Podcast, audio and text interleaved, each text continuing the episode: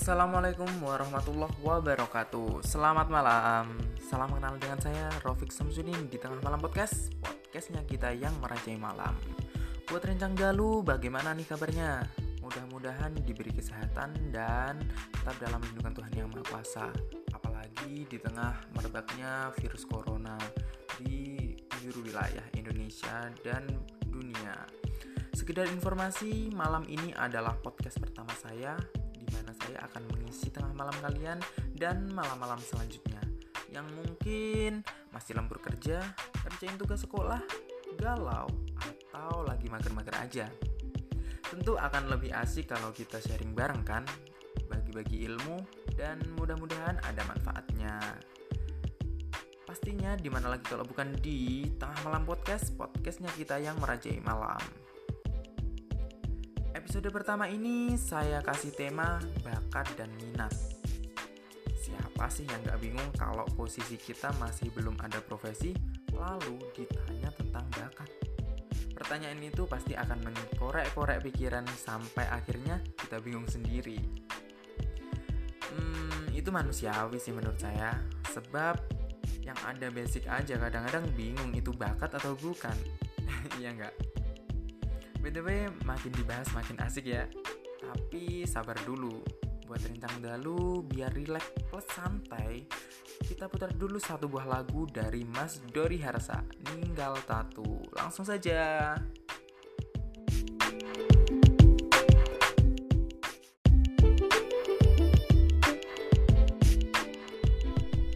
Oke rencang dalu Tatunya sudah ditinggal nih. Gimana? Sudah ketemu belum bakat kalian?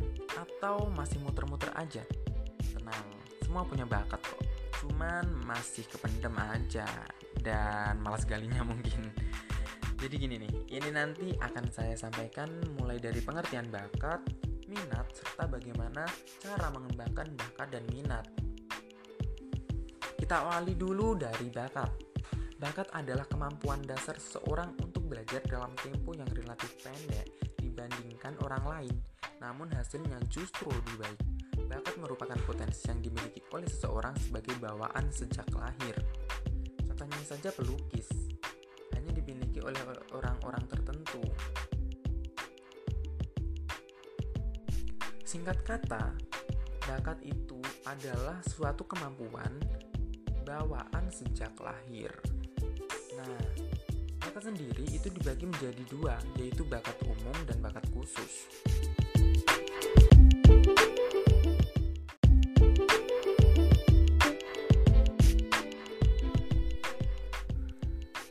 Bakat umum artinya setiap orang memiliki, sedangkan bakat khusus hanya dimiliki oleh orang-orang tertentu saja. Artinya tidak semua orang memiliki, misalnya bakat seni, pemimpin, penceramah.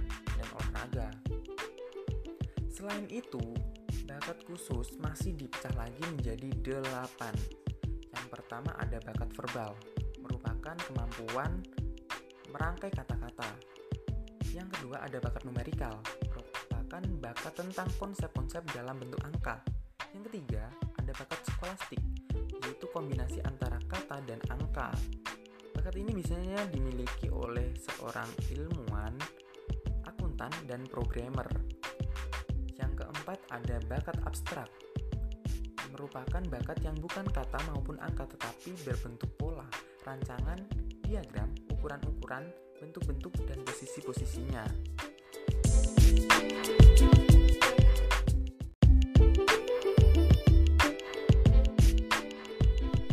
Yang kelima, ada bakat mekanik.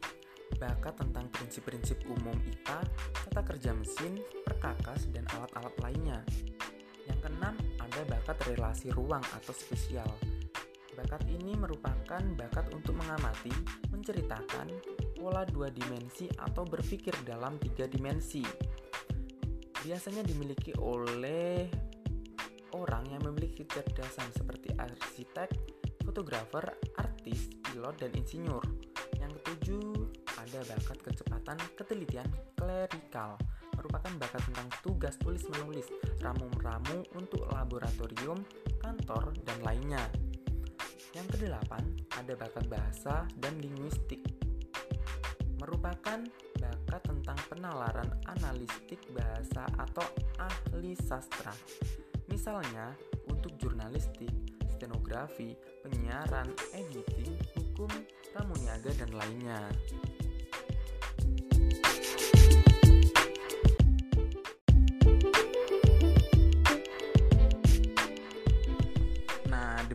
Tadi ulasan tentang bakat. Kita nggak perlu bingung ya tentang delapan bakat khusus. Kita fokus aja bahwa kita itu selalu diberkati dengan bakat, meskipun itu bersifat umum. Nah, berikutnya kita menginjak pada minat. Minat adalah sesuatu proses yang tetap untuk memperhatikan dan memfokuskan diri pada sesuatu yang diminatinya dengan perasaan senang dan rasa puas.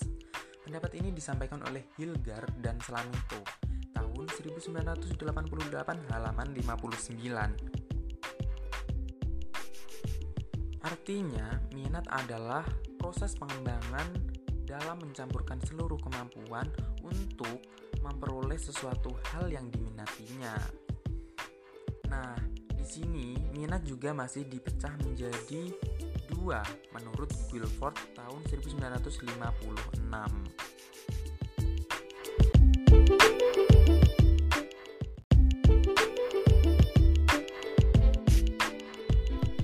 Yang pertama yaitu minat vokasional, merujuk pada bidang-bidang pekerjaan. Nah, minat ini masih dipecah lagi menjadi tiga, yaitu minat profesional, merupakan minat keilmuan, seni, dan kesejahteraan sosial. Kemudian ada minat komersial yang terfokus pada minat pekerjaan dunia usaha, jual beli, periklanan, dan akuntansi. Kemudian yang terakhir ada minat kegiatan fisik, mekanik, kegiatan luar, dan lainnya. Nah, untuk yang kedua, ini ada minat avokasional, yaitu minat untuk memperoleh kepuasan atau hobi, misalnya petualang, hiburan, apresiasi, ketelitian, dan lainnya. Nah, demikian tadi penjelasan mengenai minat. Berikutnya, bagaimana sih cara mengembangkan bakat dan minat?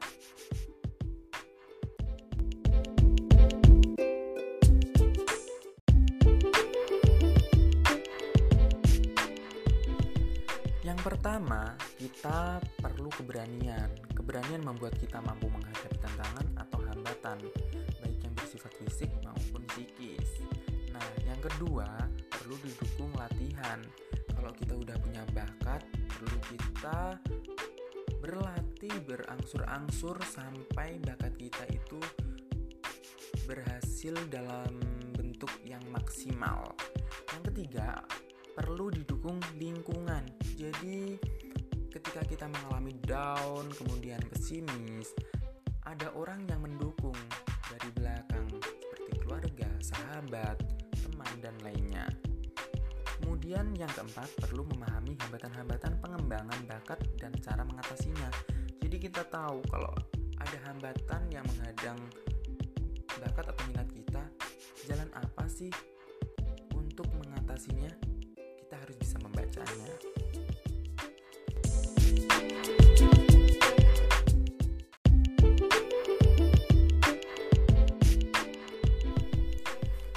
Nah, dari ulasan mulai dari bakat dan minat serta pengembangannya, ada hal yang lebih penting lagi, yaitu kesesuaian antara bakat dengan cita-cita atau karir.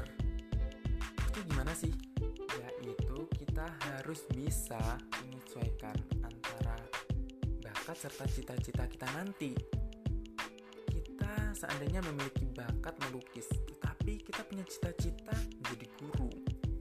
Sesuaikan saja, kita mengambil bidang kesenian. Kurang lebih seperti itu.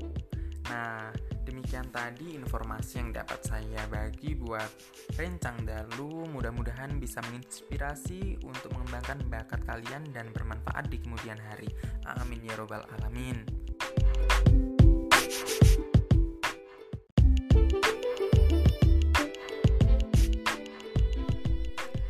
Nah, untuk menutup sharing kita malam hari ini, saya kasih lagu yang galau, spesial buat yang galau, ambil patah hati. Apalagi kalau bukan Jalan Liane dari Hendra Kumbara. Cukup sekian, kalau ada salah kata atau informasi kurang tepat saya mohon maaf. Nanti untuk komen dan kritik bisa disampaikan di 085236510810. Selamat malam. Selamat istirahat dan enjoy. Wassalamualaikum warahmatullahi wabarakatuh.